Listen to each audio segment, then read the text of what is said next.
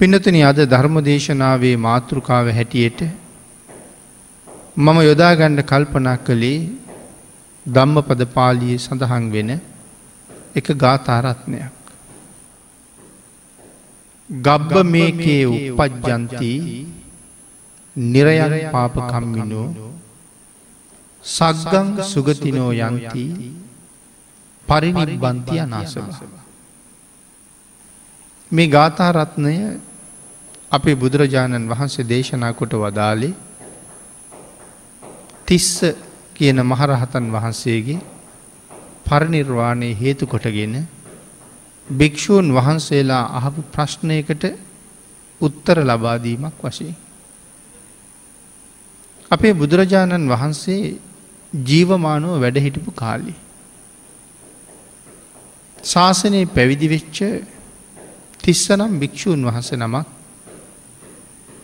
සව් කෙලෙස් නසලා අති උතුම් අර්හත්වය බුදුන් පත් කරගෙන හිටිය. තිස්ස රහතන් වහන්සේ එක දවසක් පිණ්ඩ පාති වඩිනකොට එක පුරුෂයෙක් ඇවිල්ල උන්වහන්සේට ආරාධනාවක් කළා ස්වාමීනී අපිට අනුකම්පා කරන සේක්වා අද අපේ ගෙදරින් දං වලඳමු කියලා.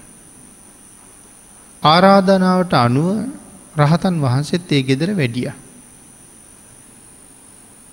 දහවල් දානය පිළියල කරලා පිළිගැන්නවා උන්වහන්සේ දානය වැළඳවා දායක පිරිසට අනුශාසනා කළා උන්වහන්සේ වැඩම කළා.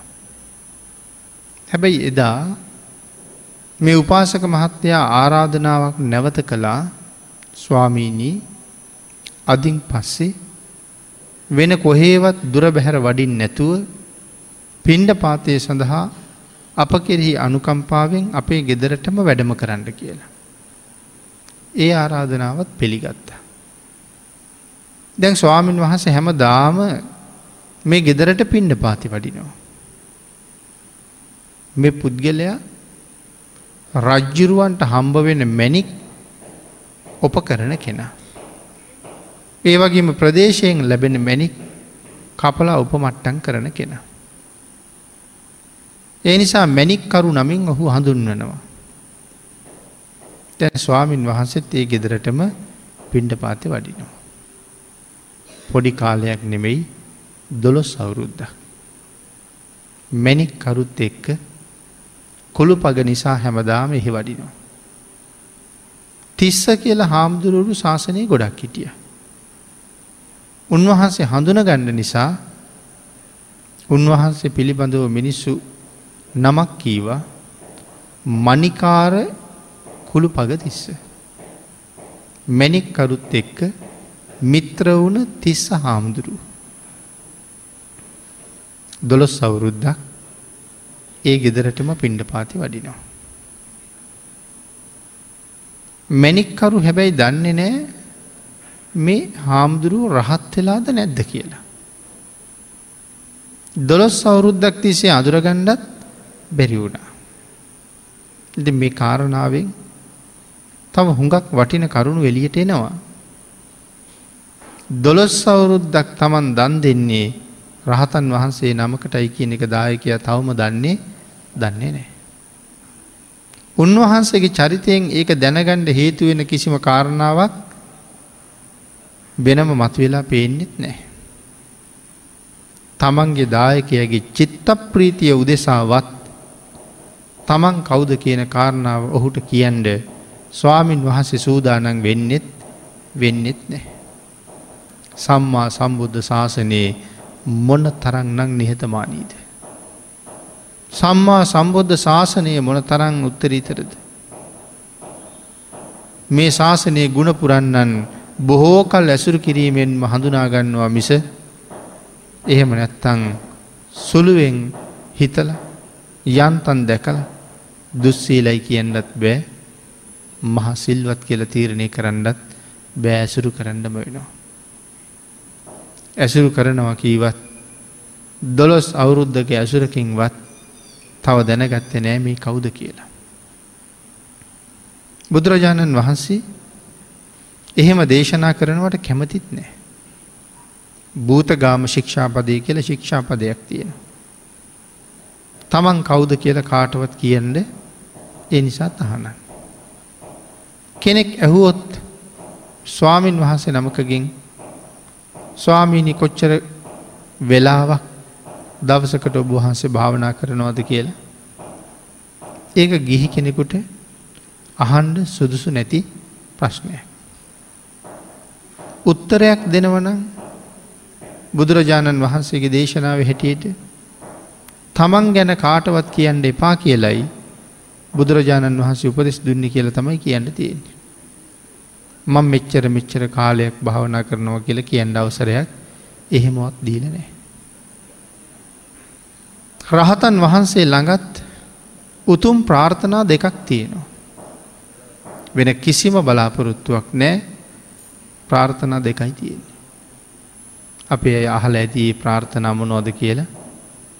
එහෙම නැත්තන් කෙනෙකුට හිතෙන්ට පුළුවන් සව් කෙලෙස් නසපූත්තමය ළඟත් ප්‍රාර්ථනා තියෙනවද කියලා.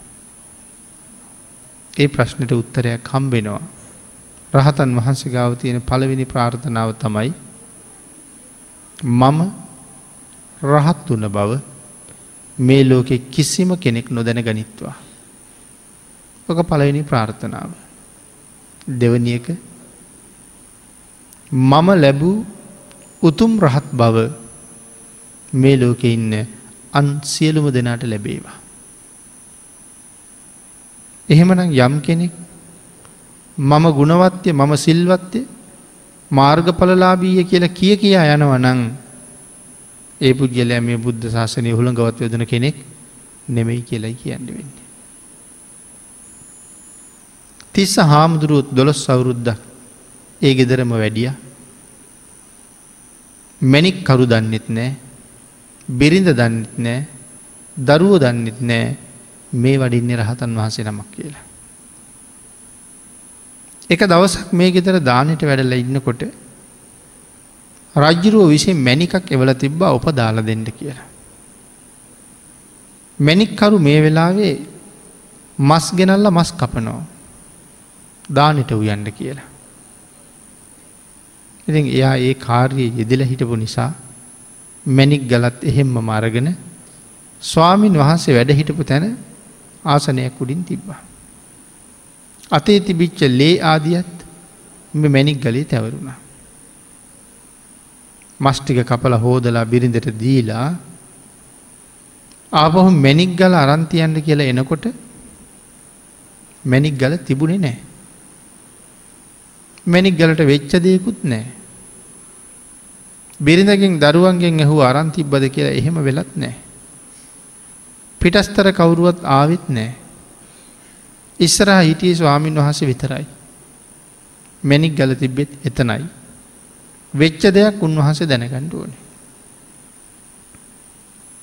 තැන්ඉතින් බොහොම කලබල වෙලා රජ්ජුරුවන්ගේ මැනික බිරිඳ ගාවට ගිහිල් ඇහු හමත් ගත්තේ නෑකිව දරුව ගාවට ගිහිල් ඇහු හමත් ගත්ත නෑකිව එහෙනම් ස්වාමීන් වහන්සගේ අහමු කියල යන්ට හදනකොට බිරිඳ කිවයි පා උන්වහන්සේගෙන්න්න හන්ඩිපා දොළොස් සවුරුද්දක් තිස්සේ අපේ ගෙදරට වඩිනවා ඉදිකට්ටක තනකොළ කෙන්දක තරන් දෙයක්වත් අරගෙන නෑ. ඔය මැනික් ගල ගැන අහන්ඩිපා ඔය තරන්නම්ම මැනික ඕන නං මැනික නැති වුණොත් අපි ඔක්කොම මුළු ජීවිත කාලෙම රජ්ජිරුවන්ට බැලම හෙවරකං කරමු ස්වාමීන් වහන්සගෙන්න්න අහන්ඩපා කිවා. ඒ කීවට මේ පුරුෂයයක ඇහුවේ ඇහුවේ නෑ. ගිහිල්ල ඇහුවා. මෙතන තිවිච්ච මැනික ස්වාමීනය ඔබහන්ස දැක්කද. දැක්කා උන්වහස මැනික තියෙන හොඳටම දැක්කන ස්වාමිනය ඔබහස ගත්තද උන්හස කතා කළි නෑ. දෙවනි තුන්ගනි පාර ඇහුවත් කතා කළේ නෑ. ඊට පස්ස මෙයා තීරණය කළා හාමුදුරුවම තමයි මැනික ගත්ති. දෙන්ඩ කීව දෙන්ඩ කිව උන්වහස ගව දෙන්න මැනිකක් නෑ තීරණය කළා හොඳින් බැරිදන් නරකින් හරි මැනික ගණ්ඩෝන කියලා. ගෙට ගිහිල්ල ලනුවක් ගෙනල්ල හාමුදුරුවන්ගේ ඔළුව වටේට ලනුපොටවල් කීපයක් ඔතලා. ඒකට තිරිංගයක් දාලා දැම්මය ටික ටික තිරින්ගේ හිර කරනවා. තිරින්ගේ හිරකර කර හිරකර කර මැනික ඉල්ලනවා. වේදනාව ඉව සණ්ඩ බෑ. නමුත් ඉතින් මැනික ගත්තෙ නෑ. ද නාස්වලින් කංවලින් කටින් ලෙවැක්කෙරන ඔලුව හිරවෙලා. ලෙ ගලාගෙන යන. ලේවල දුර්ගන්ධය හැම තැනම වහනය වෙනවා. පැතිරිලා යනවා.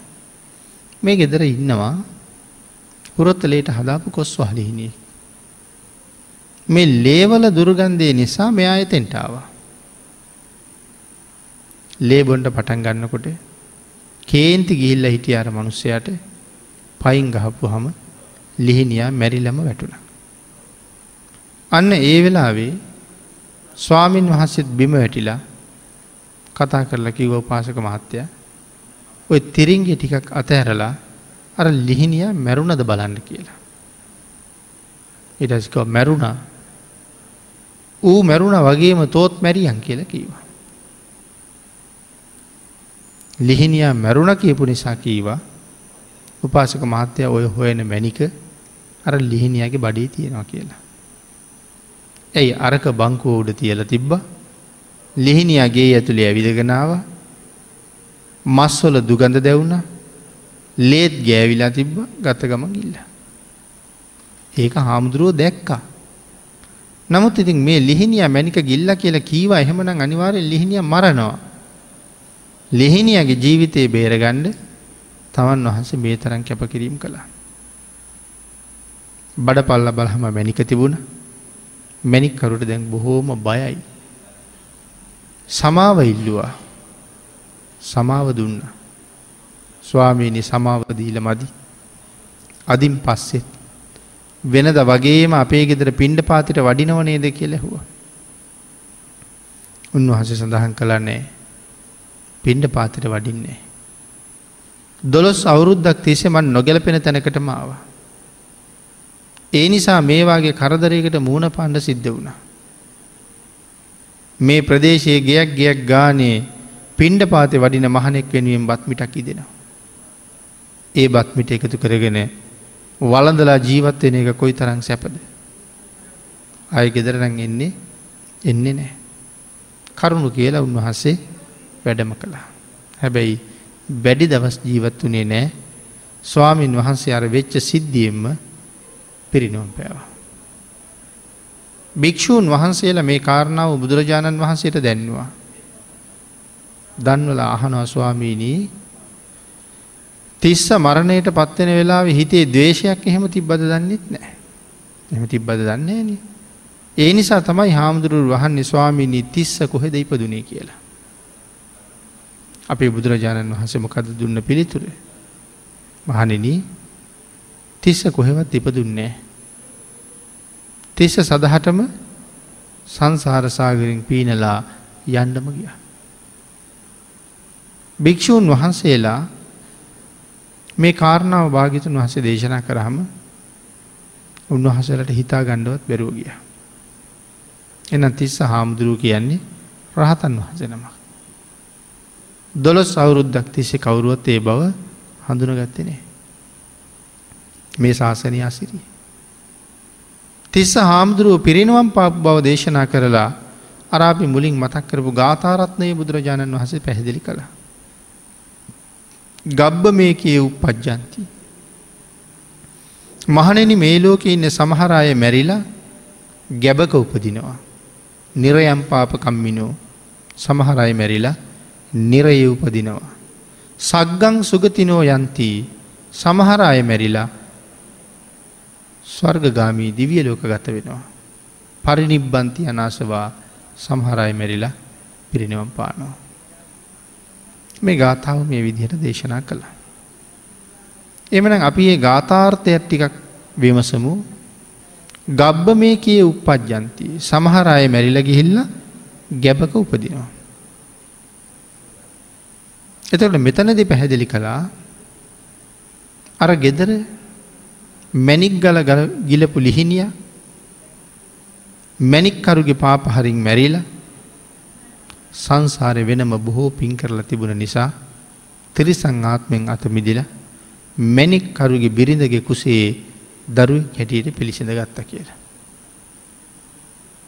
ගබ්බ මේ කිය උපද්ජන්ති. එතකොට මේ ගැබ කියල කියහම මනුස්ස ගැබක් තියෙනවා තිරිසං ගැබක් තියෙනවා. තිරිසංකුසේ උපදින්ටනම් හරි ලේසී. මනුෂ්‍ය කුසක උපදිනවා කියන එක කොහොමත් ලේසි නෑ. මනුෂ්‍ය කුසකට ඇවිල්ලා කලලයක් හැටියට වර්ධනය වෙලා මිනිහෙක් නිර්මාණය වෙන්ඩ සංසාර කරගත්ත අති සුවිශේෂී පුුණ්‍යස්කන්දයක් අවශ්‍යයි. මිනිහෙක් වෙලා ඉපදෙන්ට. ටිකක් වියදන් කරලා බෑ මිනිහෙක් වෙන්න ගොඩක් වියදන් කරන්න ඕනේ. මොනවද වියදන් කරන්න ඕනි පෙර මම රැස් කරලා තියල තියෙන කුසල්. මේ ජීවිතෙන් මම රැස් කරලා තියෙන කුසල් වියදන් කරන්න ඕනෑ මනුස්ස ජීවිතයක් ලබන්ඩන. එතකොට දන්දීල මනුස්ස ජීවිත ලබන්ඩ බැරිද යම් කෙනෙක් එහෙම හිතාගෙන ඉන්නවනං එක මුලාවක්ම විතරයි තමයි කියන්න වෙන්නේ. දානයට කවදාවත් අපි උපදින තැන තීරණය කරන්න බෑ. දානයට පුළුවන්කම තියෙන්නේ යම් කිසි තැනක ඉපදුනානං ඉපදුනාට පස්සේ ලැබෙන්නේ මොනවද කියන කාරණාවයි තීරණය කරන්න. ඒ දේවල් ලැබෙන්ඩ නං උපදින්ඩ ඕනෙක කොහෙද කියන කාරණාව තීරණය කරන්නේ සීලයි. උපදින තැන සීලයෙන් තීරණය වෙනවා ඉපදුනාට පස්සේ ලැබෙන දේවල් දානයෙන් තීරණය වෙනවා. හදිස්සියේ දැන් මැරුණු කොහෙ උපදීද කියල ප්‍රශ්නයක් ඇහුව උත්තරයක් දෙන්න පුළුවන් වෙයිද. සුගතියද දන්නෙත් නෑ දුගතියද දන්නෙත් නෑ. හැබැයි මැරෙන්ඩ ඉස්සල්ල දැනගණ්ඩෝ නෑ මම සුගතිගාමීද දුගතිගාමීද කියලා. ඒකට කල් තියෙනවද තව කොහොමොත් කාලයක් කොහොමොත් කාලයක් නෑ. දැන් දැම්ම මේ දැන්ම කුසලයෙන් පිරෙන්ඩයි අවශ්‍ය. එමන භාගිතුන් වහස දේශනා කළා කෙනෙක් උපදින්නේ සංසාරය මහකුසල ශක්තියක් එක්. මනුස ජීවිතයක් ලැබී හෙමයි. සීලය තමයි මේ ජීවිතයෙන් පස්සේ හම්බෙන ඇඟ මොකක්ද කියල තීරණය කරන්න. ගිය භවයේ අපිට ලැබෙන ඇඟත් එදා රැකපු සිල් එක තීරණය වෙලා තමයි මේ ඇවිල්ල තියෙන. දානය තමයි ඉපදුන මිනිහට ලැබෙන්ඩ ඕනෙ මොනවද කියන කාරණාව තහවුරු කරන්න. එහෙනම් සිල් රැකල ඊළඟාත්මෝල ලොකුවට බෞබෝග සම්පත් හොයන්ඩත් බෑ බෞබෝග සම්පත් විතරක් දන්දීලා උපදින්නේ කොතනද කියන කාරණාව හරියටම තීරණය කරන්නත් කරන්නත් බෑ. දුන්න දානවල හැටියට ඉපදුනාට පස්සේ ආත්ම කෝටි ගානකට මන් දුප්පත්නං වෙන්නේ නෑ කියල දන්න. හැබැයිතින් දුප්පත් නොවෙන්ඩ උපදින්නේ කොහෙද කියන කාරණාව සීලියත් එක තීරණය කරනවා. තිරිසං ආත්මක ඉපදිලා හිටපු කොස්වා ලිහිනියා මැනික්කරුගේ බිරිඳගේ කුසේ පිළිසිඳ ගැනීම පිළිබඳව සමහර වෙලාවට තවත් කෙනෙකුට ලොකු ප්‍රශ්නයක් වෙන්න පුළුවන් තිරිසනෙක් කොහොමද මනුස්ස ලෝකටාව කියලා. එන්ඩ බැරිකමක් නෑ ධර්මය දේශනා කරන මමත් බණ අහන ඔබත් මේ සංසාරි තිරිසං වෙලා මොන තරන්නන් ඉපදිලා හිටිය ඇද. නමුත් ඒ අකුසල් ගෙවාගෙන ගෙවාගෙන පෙරාපි විසින්ම කරගත්ත කුසල කර්මෝල යම් ශක්තියක් තියෙනවා නං අපිට අපහුසරයක් සුගතිගාමී වෙන්න පුළුවන්කම තියෙනවා. එනම් බුදුරජාණන් වහස දේශනා කළේ තිස්ස ස්වාමීන් වහස පිරිනිවම් පෑවා. ආය මේ කාමබෝගි ලෝකේ උන්වහන්සේ ස්පර්ශ කරන්න හිටිය නෑ. නමුත් පින්නතුනී කොස්වා ලිහිනියා ගැබේ ඉපදුනා නිරයන් පාපකම්බින. රහතන් වහන්සේ නමක් පිරිනිවන් පාන තැනට පත්කරපු මැනික්කරු මැරිච්ච ගමන් අවීචියම ඉපදුනා.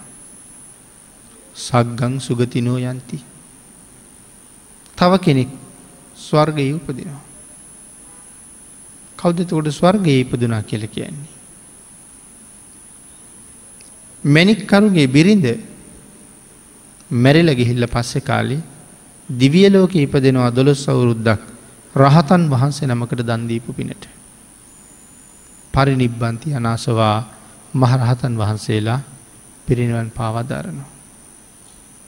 එමනම් පින්නතන අපි සාකච්ඡා කරමින් හිටියේ ගැබක උපදින එක ගැන. මනුෂ්‍ය ගැබක උපදින්ට නං තිසරණ සහිත පන්සිල් තියෙන් ඕන කියන කාරණාව තරයේ මතක තියාගත්තොත් හොඳයි. අද පන්සිල් නැති වුණාට හෙට පන්සිල් ගන්නවන කියලා කල්පනා කර කර ඉන්නකොට අද මැරුණොත් එහෙම හෙට සිල්ගණ්ඩ කාලයක් ඉතුරු වෙන්නේ ඉතුරු වෙන්නේ නෑ. අද කළ යුතු දේවල් අදම කරණ්ඩුවනේ. අජ්ජේව කිච්චං ආතප්පං කෝජඥා මරණංසුයි. නහිනෝ සංගනං තේන මහාසේනයන මච්චුන. අජ්ජේව කිච්චං ආතප්පං. අද කළ යුතු කාර්ය අදම කරන්නට. කෝජඥා මරණංසුවේ කවුද දන්න හෙට මැරෙයිද කියලා. නහිනෝ සංගරංතේන මහාසේනයන මච්චුනා. මේ ලෝකෙ සත්ව සමුදාය කොච්චරක් හිටියද ඒ සියලුම මහසෙනග මරණය විසින් අරගෙන ගිහිල්ල. ඒ නිසා හෙටට අනිද්දට පින් කරන්න කල්දාන්ඩ කාලයක් ඇත්තෙම නෑ අදම දැම්ම මේ මොහොතෙම බොහෝ කුසල් ජීවිතයට එකතු කරගන්න එක තම තමන්ගේ වගකීමයි. අත්තානං වේ පියන් ජඥා රක්කෙයානං සුරක්කිතං තින්න මං්්‍ය තරංයා මම් පටිජක්ගෙය පණ්ඩිතු. යමෙක් තමන්ගේ ආත්මයට ආදරීන්න. යමක් තමන්ගේ සංසාරි කෙටි කරගන්න කැමතින. ඒ පුද්ගල හැමොකක්ද කරන්න ඕනේ. වහ වහා කුසල්ම රැස් කර ගණ්ඩ ඕනේ. දුගතියෙන් අතමි දෙන්න මුත්සාහ කරන්න ඕනේ. තමන්ට ප්‍රියයින්නං ඊළඟ ඊළඟ ඊළඟ උපදින භවවල ම මෙන්න මෙහෙමයි උපදින්ඩ ඕනි කියලා එහෙම උපදින්ට කටයුතු කරගණ්ඩ පුළුවන්. ශ්‍රේෂ්ඨ මනුස්ස ජීවිතයක් කියල කියන්නේ අනාගතයේ උපදින ආත්ම කෝටි ගානක් සැලසුම් කරන්න මෙහෙදි හම්බ වෙච්ච එකම නවාතන. මෙතනදි තමයි ඔය සැලස්ම හදන්ඩ පුළුවන්. සැලස්මකට වැඩකරපු හැම කෙනෙක්ම දිනනවා. ඉබාගාත ගියපු හැම කෙනෙක්ම කොයි වැඩේ ගාවත් පරදිනවා. අන්න ඒ නිසා නිවන් දකින තුරු මේ ජීවිතය සැලසුම් කරන්නත් මේ තෝ තැන්න තමයි තියෙන හොඳම අවස්ථාව. අගේ නිසා මගේ ලැබිච්ච මනුස් ජීවිතයට හැබෑම සාධහරණයක් සම්පූර්ණ කරන්නේ කොහොමද කියන කාරණාව හැම වෙලාම හැම කෙනෙක්ම කල්පනා කරන්න ඕනේ. ගබ්බ මේ කිය උපද්ජන්ති. නිරයන් පාපකම්මිනෝ. මේ ලෝකෙ සමහර කට්ටිය මැරිල ගිහිල්ලා අපාය උපදිනවා. නිරයම් පාපකම්මිනෝ. එතකොට මේ අපාය උපදිනවා කියල කියහම ප්‍රධාන වශයෙන් අපායවල් කීයක් ගැන කතා කරනවාද. ප්‍රධාන අපායවල් අටයි. එකක් වටේට පුංචි අපායවල් දාසයයි. එතකොට මහයව්වා අටයි අට වටේටම පොඩිපොඩියව්වා දාසයක් තියෙනවා. එනම් මුළු නිරේ මට්ටම කොච්චරයි කියල සඳහන් කරනවාද මුළු නිරේ මට්ටම ගැන සඳහන් කරනකොට සඳහන් කරන්නේ මහ නිරේවල් අටයි පොඩි නිරේවල් එකසිය විසි අටයි ඔක්කොම නිරේවල් ගාන එකසිය තිස්හයි. පොඩි නිරේවල් ලෝටි කෙන උසුපත් නිරයන් කියලා. අවුරුදු හැට දාහ අසූදාහ එහෙම තමයි ආවශ්‍යතියෙන්. නමුත් මහනිරේකට ගියොත් කොච්චර ආවුෂ වැඩිවීද. මහනිරේක ආවුෂ අපිට හිතා ගණ්ඩවත් හිතා ගණ්ඩවත් බැරුවෙන. පල්ල හැම දිව්‍ය තලයේ තියෙන ආවුෂ ප්‍රමාණය අවුරුදු ලක්ෂා නුවයි. පල්ල හැම දෙවියන්ගේ ආවුෂ. මේ ලක්ෂා නුව පල් හැම අපායට එක දවසයි. ලක්ෂානුවේ වතුන්සිය හැටක් අවුරුද්දයි එවන් අවුරුදු පන්සීයක් කියන්නේ බිලියන එක්දස් හයිසිය විස්ස අවශ්‍යතියනවා. එහෙමනම් නිරේ වැටුණොත් මෙන්න මෙච්චරක් දුක්වලින් සීමා වෙනවා කියලා සීමාවක් නම් නෑ ඒ ඒ පුද්ගලයාගේ කරුමේ කරුමයි හැටියට ඒක වෙනස් වෙනවා. වෙනස් වෙවී වෙනස් වෙවී නැවත නැවත විපාක දෙනවා. නිරයම් පාපකම්මිනු. පව් කරන අයි නිරය උපදිනවා. සග්ගං සුගතිනෝ යන්ති. බොහෝ පින්කරගත් අය ස්වර්ගය උපදිනවා. බොහෝ පින්කරගත් අය ස්වර්ගය උපදිනවා කියල කීවී. දිවිය ලෝක යන්ඩ කැමැත්තක් තියෙනව නං මොනවද අපි කරන්න ඕනේ. අනිවාර්යෙන්ම සිල් තියෙන්ඩ ඕනේ. මනාව කෙනෙක් සිල් ආරක්ෂා කරගෙන ඒ සීලයේ පෝෂණය කරලා කටයුතු කරනවා. සිල් ආරක්ෂා කරනවා කියල කිය හම නිරන්තරයෙන් සිල් සමාදන් වෙන්ඩ අපිට පෝයවල් හතරක් මාසෙට තියෙනවා. හැබැයි සැදැහැවතුන් හැමෝම හතර පෝයටම සිල් ගන්නවද එහෙමත් නෑ. දෙපෝයකට සිල් ගන්නවද ඒකත් දැන් ගිලි හෙමින් තියෙනවා. හතර පෝයටත් නෑ දෙපෝයටත් නෑ පසලොස්සකට විතරක් අපි හැමෝම ගිහිල සිල් ගන්නවා.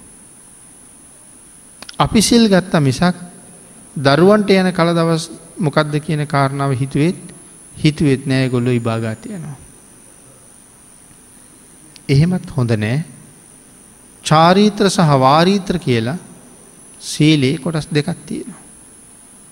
තමන් සම්පූර්ණ කරන්නත් ඕනේ පව් කරන අය පවෙන් වලක් වන්නත් ඕනේ. චාරීත්‍ර සහවාරීත්‍රය. ඊළඟට පින්නතනේ පිළිවෙලින් පන්සිල්වල ඉඳලා අටසිල්වල ඉඳලා නවාංග උපෝ සතිය ඉඳලා අපි ප්‍රගුණ කරන්න ඕනේ. සඳහන් කරන්නේ දැනට දිවිය ලෝකෙ ඉන්න දෙවිවරු පූර්ණ උපෝසත හයක් අටක් ජීවිතය සම්පූර්ණ කරපු අය කියලා. මොනවද මේ පූර්ණ උපෝසත කියර කියන්නේ. පැය විසි හතරක් එක දිගටම අටසිල් මත ඉඳල තියෙනවා. එකට කියනවා පූර්ණ උපෝසතය කියලා. අර්ධ උපෝසත ලංක මේ ශාසනයේ මේ ශාසනය නෑ. අර්ධ උපෝසතයක් ගැන කතා කරන්නෙම නෑ කූට විනිශ්චකාර වස්තුවේ විතරක් අර්ධ උපෝසතයක් ගැන කරුණු තියෙනවා. එනම් පූර්ණ උපෝසතයක් තමයි අගේ කරන්නේ ඒ පැය විසි හතරම සමාදන් වෙච්ච සීලයකින් පෝසත්තෙන්ට කියලා. දැනට දෙවිවර දෙව්ලව ඉන්න වැඩි ප්‍රමාණයක් දෙවිවරු මනුස්ස ලෝකෙන් ගියපු අය මේ පූර්ණ උපෝසත සමාදන් වෙලා දිවි හිමියෙන් ජීවිත පරිත්‍යයාගෙන් සිල්ගුණ ආරක්ෂා කරගත්තාය. දැනට එහි ඉන්න එහෙමයි. එතකොට විසි හතර පැයක් මාසකට දවස් අටක් තබා විසි හතර පැයක් මාසකට එක දවසක්වත් රැකගණ්ඩ බැරි අපි ස්වර්ගයේ දිහා බලාගෙන හීන මවුනවා විතරක් වෙන්ඩ පුළුවන්. සිල් පද සම්පූර්ණ වෙන්නෙත් නෑ. හේතුව ගෙදරට කියලා එන්නේ හතට සිල් අරගෙන පහට එන්නම් කියලා. විකාල භෝජනා වේරමණී සික්කා පදං සමාධියන්. මේ ශික්ෂාපදේ කැඩෙන්ට පටන් ගන්න කොයි වෙලා විඳරද මධ්‍යහනීදර. උදේන්දල සිය පාරක් කෑම කෑවත් මේක කැඩෙන්නේ. ඉරු අවරට ගියට පසේ තමයි මේක බිඳෙන්ට පටන් ගන්න. එතකොට දවල් දාන වැලදුවට පස්සේ ආය රෑවෙනකං දානවේලක් අවශ්‍යනෑ. ඒ වනාට ඒ වෙනුවෙන් නං අපි ගෙදර යන්නේ ඒ ශික්ෂා පදේ පහවිතර වෙනකං විතරයි රැකිලතිය. සමාදන් වෙච්ච වරුවමවත් ඒ සිල් රැකිලා නෑ. ඒ ගැන අදහසක් තියාගෙනම යම් කෙනෙක් පන්සිල් ගන්නව නං නැතන් අටසිල් ගන්නව නං ඒක මුසාවක්මයි. හැන්දෑවේ ගෙදර යන බලාපොරොත්තුව තියාගෙන විකාල භෝජනාවේර මනී සික්කා පදන් කියල ශික්ෂාපදය කියනවා. නමුත් මම දන්නවා මේ ශික්ෂාපදේ ආරක්ෂා කරන්නේ මම ගෙදර යනවා කියලා. දැඟට සිල්පදේ සම්පූර්ණ වෙනවද නෑ. මේ දේවල් වල කොච්චර කොච්චරනං හිතන්ඩ දේවල් තියෙනවාද. එනම් මෙතන සඳහන් කළේ සක්ගං සුගතිනෝ යන්ති. යමෙක් ස්වර්ගගාමී වෙන්න බලාපොරොත්තු වෙනව නං ඒ පුද්ගලයා විසින් දානයයි සීලයයි මනාව සම්පූර්ණ කරන්න ඕනේ. ඒ පුද්ගලයා විසින් තමන් කරන හැම පින්කමක්ම මනාව යොදා ගණ්ඩ ඕනේ. සක්ගං සුගතිනෝ යන්ති. මනාව සිල්ගුණ ආරක්ෂා කරන අය තිසරණෙහි පිහිටලා පෝයට අටසිල් ආරක්ෂා කරගෙන අනිත් දවස්වල පන්සිල් ආරක්ෂා කරගෙන යමෙක් කටයුතු කරනවා නං මරණ මංචකයේදී ඔහුට කිසිම බයක් දැනෙන්නේ දැනෙන්නේ තමන් බොහොම සිල්වත් කියන ආත්ම අභිමානය තවන් ළඟ තියෙනවා. ඒ නිසා ඔහු සතුට වෙන. පරිනිබ්බන්ති අනාසවා. සමහරය පිරිනිවම් පානවා. පිරිනිවම් පානායට කියන්නේ කවුරු කියලද මහරහතන් වහන්සේලා. එමටතන් රහතන් වහන්සේල කියලා. මේ පිරිනිවම් පාන උත්තමයන් වහන්සේලා පිරිනිවම් පාන තැනට එනකං ආවේ සංසාරි කොයි තරන්නම් කැපකිරීම් කරලද. සමහරය කෙස් බානකොටම රහත් වුණා සමහරය තච්ච පංචකේදි රහත් වුණා සමහරය මහන වෙලා මාස ගනන් වීරය වඩල රහත් වුණා මේ මේ ආදි වශයෙන් එක කෙනා රහත් වෙච්ච ක්‍රම වෙනස් වෙනස් විදිහට ධර්මය සඳහන් කරලා තියෙනවා. එහෙම වෙනස් වෙනස් විදිහට සිද්ධ වෙන්නේ තම තමන් සංසාර රැස් කරගත්ත කුසල ධර්මයන්ට පාරමිතාවන්ට අනුවයි. සමහරය ප්‍රාර්ථනා කර කරයි යන්නේ. මේ විදිහට නිවන් දකිින්ට ඕනේ. සමහරයි කල්පනා කර කර යන්නේ මේ විදිහට මේ ගමන ගියොත් කොහොමද ජීවත්වෙන්නේ කියලා. ඔතන කරුණු දෙකක්. ආංගේ කරු දෙකින් නිවන් දකින කාරණාව හරි වැදගත්. නිවන කියල කියන්නේ මේ ලෝකෙ තියෙන උතුම්ම සැපයයි. නිවනට වඩා උතුම් සැපයක් ගැන අපේ අය අහල තියෙනවද නිබ්බානං පරමං සුකං කියල දේශනා කළේ. නිවන පරම සැපයයි. නිවන පරම සැපයයි කියල කීවට අපිට තාමත් තේරෙන්නේ ඒ වුනාට සාමාන්‍ය මිනිස්සුන්ට එම තේරෙනවා අඩුයි කොහොමද නිවනේ සැප තියෙන්නේ කියලා. මනුස්ස ලෝකයේ ඉන්න සැපයෙන් උසස්ම කෙනා පංචකාමයෙන් උසස්ම දේවල් මනුලෝ බුක්ති විඳින්නේ සක්විති රජ්ජුරු. හැබැයි සක්විති රජවරු නිවන් දැකීම උදෙසා ගිහි ගෙදරින් නික්මිලා බණ භාවනා කටයුතුවලේ දෙන. ඒ කියන්නේ සක්විති රජ සැපතට වඩා නිවන හුඟක් සැපවත්තින්ට. දෙවියෝ දෙවිවරු බොහෝසේ ගුණපුරනවා පින් රැස් කරනවා කාම සම්පත් අත්හරි නොමනවා නිසාද නිවන් දකිින්ට ලැබෙනවන. බ්‍රහ්මයෝ නිවන් දකිින්ට ලැබෙනවනං තමනුත් හැම වෙලායම බඹ සැපත් හරින්ඩ ලෑස්ති. මනුස්ස සැපේට වඩා දෙව් සැපේ අති උතුම් දෙව් සැපේට වඩා බඹ සැපේ අති උතුම් එනම් මිනිස්සුත් දෙවියොත් බ්‍රහ්මයොත් නිවන වෙනුවෙන් තමන්ගේ සැපත් හරින්ට ලෑස්ති වෙන්නේ ඒ හැම සැපයකටම වඩා සැපයක් මේ නිවන තුළ තියෙන හින්දා. නමුත් අපිට එහෙම තාම නන්දුවක් මිනිස්සු අතර තියෙනවද කියන කාරණාව පිළිබඳව හිතන්ට ඕනේ. මෙහි තියෙන ලෞකික සැපනි ඒක පරම සැපේ කියලා උපාදාන කරගෙන යැපි ඉන්නේ. නමුත් එහි කිසිම සැපයක් නෑ සැපයි වගේ එකක් තියෙනවා. සැපයක් නන්නේ. අහවල්දේ අහවල්දේ තිබුණොත් හොඳයි අහවල්දේ කෑවොත් හොඳයි අහවල් කෙන හම්බුණොත් හොඳයි මෙහෙම මෙහෙම කල්පනා කරලා එතකොට සැපයි කියලා හිතනවා. දේශනා කරන්නේ නමුත් සැපක් නං නෑ කියලා. සැපක් වාගේ එකක් අපි දැකල තියෙනවා. මාගන්දිය සූත්‍රයෙන් ඕක හරි ලස්සනට බුදුරජාණන් වහස පැහැදිලි කළ. සැප වගේ දේවල් හොයන්ට නෙමෙයි හැබෑම සැප හොයාගෙන යන්න කටයුතු කරන්න. හැබෑම සැප හොයාගෙන යන්ඩ නම් පිනතින අත්හරින්ඩ වෙනවා. විකාල භෝජනයෙන් වෙන්වෙන්ඩ කියලා කෙනෙකුට කියහම සමහර කෙනෙක් කියන්නෙම උදේට දවල්ට දෙකට මනතත් කමක් නෑ හැන්දෑවට ආහාරගණඩ තිබුණනම් හොඳයි කියලා. නමුත් ඒ තරන් හවස ආහාර වෙලට කැමතිනං දවල්ට කෑම කාලා හවස ආහාර වෙලා අත්හර ගත්තුත් විකාල භෝජනයෙන් වලකිනව කියලා. අන්න එහෙම වැලකුණ අයට සංසාරය ඊළඟ ජීවිතවල හම්බෙන්නේ හැමදාම දිවිය භෝජනවාගේ ආහාර හම්බෙන. ඉතාම ප්‍රනීත ආහාරවල කිසිම අඩුවක් කිසිම අඩුවක් නැතුව යනවය පුද්ගලයට. ඒකයි මේ ශාසනය මං කීවේ අත්තරින්ට අත්තරින්ට ලැබෙනවා. මනාව හිතල හොඳට බනාහල කරුණු කාරණා දැනගෙන මේ ජීවිතයේ සැලසුම් කරන්න පටන් ගත්තොත් තව ආත්ම අසංක්‍ය ගානක් දුකක් කරදරයක් පීඩාවක් නැති පුද්ගලිය බවට පත්තෙන්ට අන්න ඒ ශක්තිය හේතු වෙනවා. අනාගතයේ සුවදායක කරගණ්ඩ ඒ ශක්තිය හේතු වෙනවා. එහෙමනම් ධර්ම දේශනාවට තියෙන කාලයක් නිමා වෙලා තියෙනවා. තිස්ස හාමුදුරුවන්ගේ කාරණාවයි අපි මතක් කළේ. මේ සිද්ධියත් එක් අපි සඳහන් කළා සමහරයි මැරිල ගිහිල්ල ගැබක උපදිනවා. සමහරයි මැරිල ගිහිල නිරේ උපදිනවා. සමහරය මැරල ගිහිල ස්වර්ගය උපදිනවා. සමහරය නිවනටම යනවා.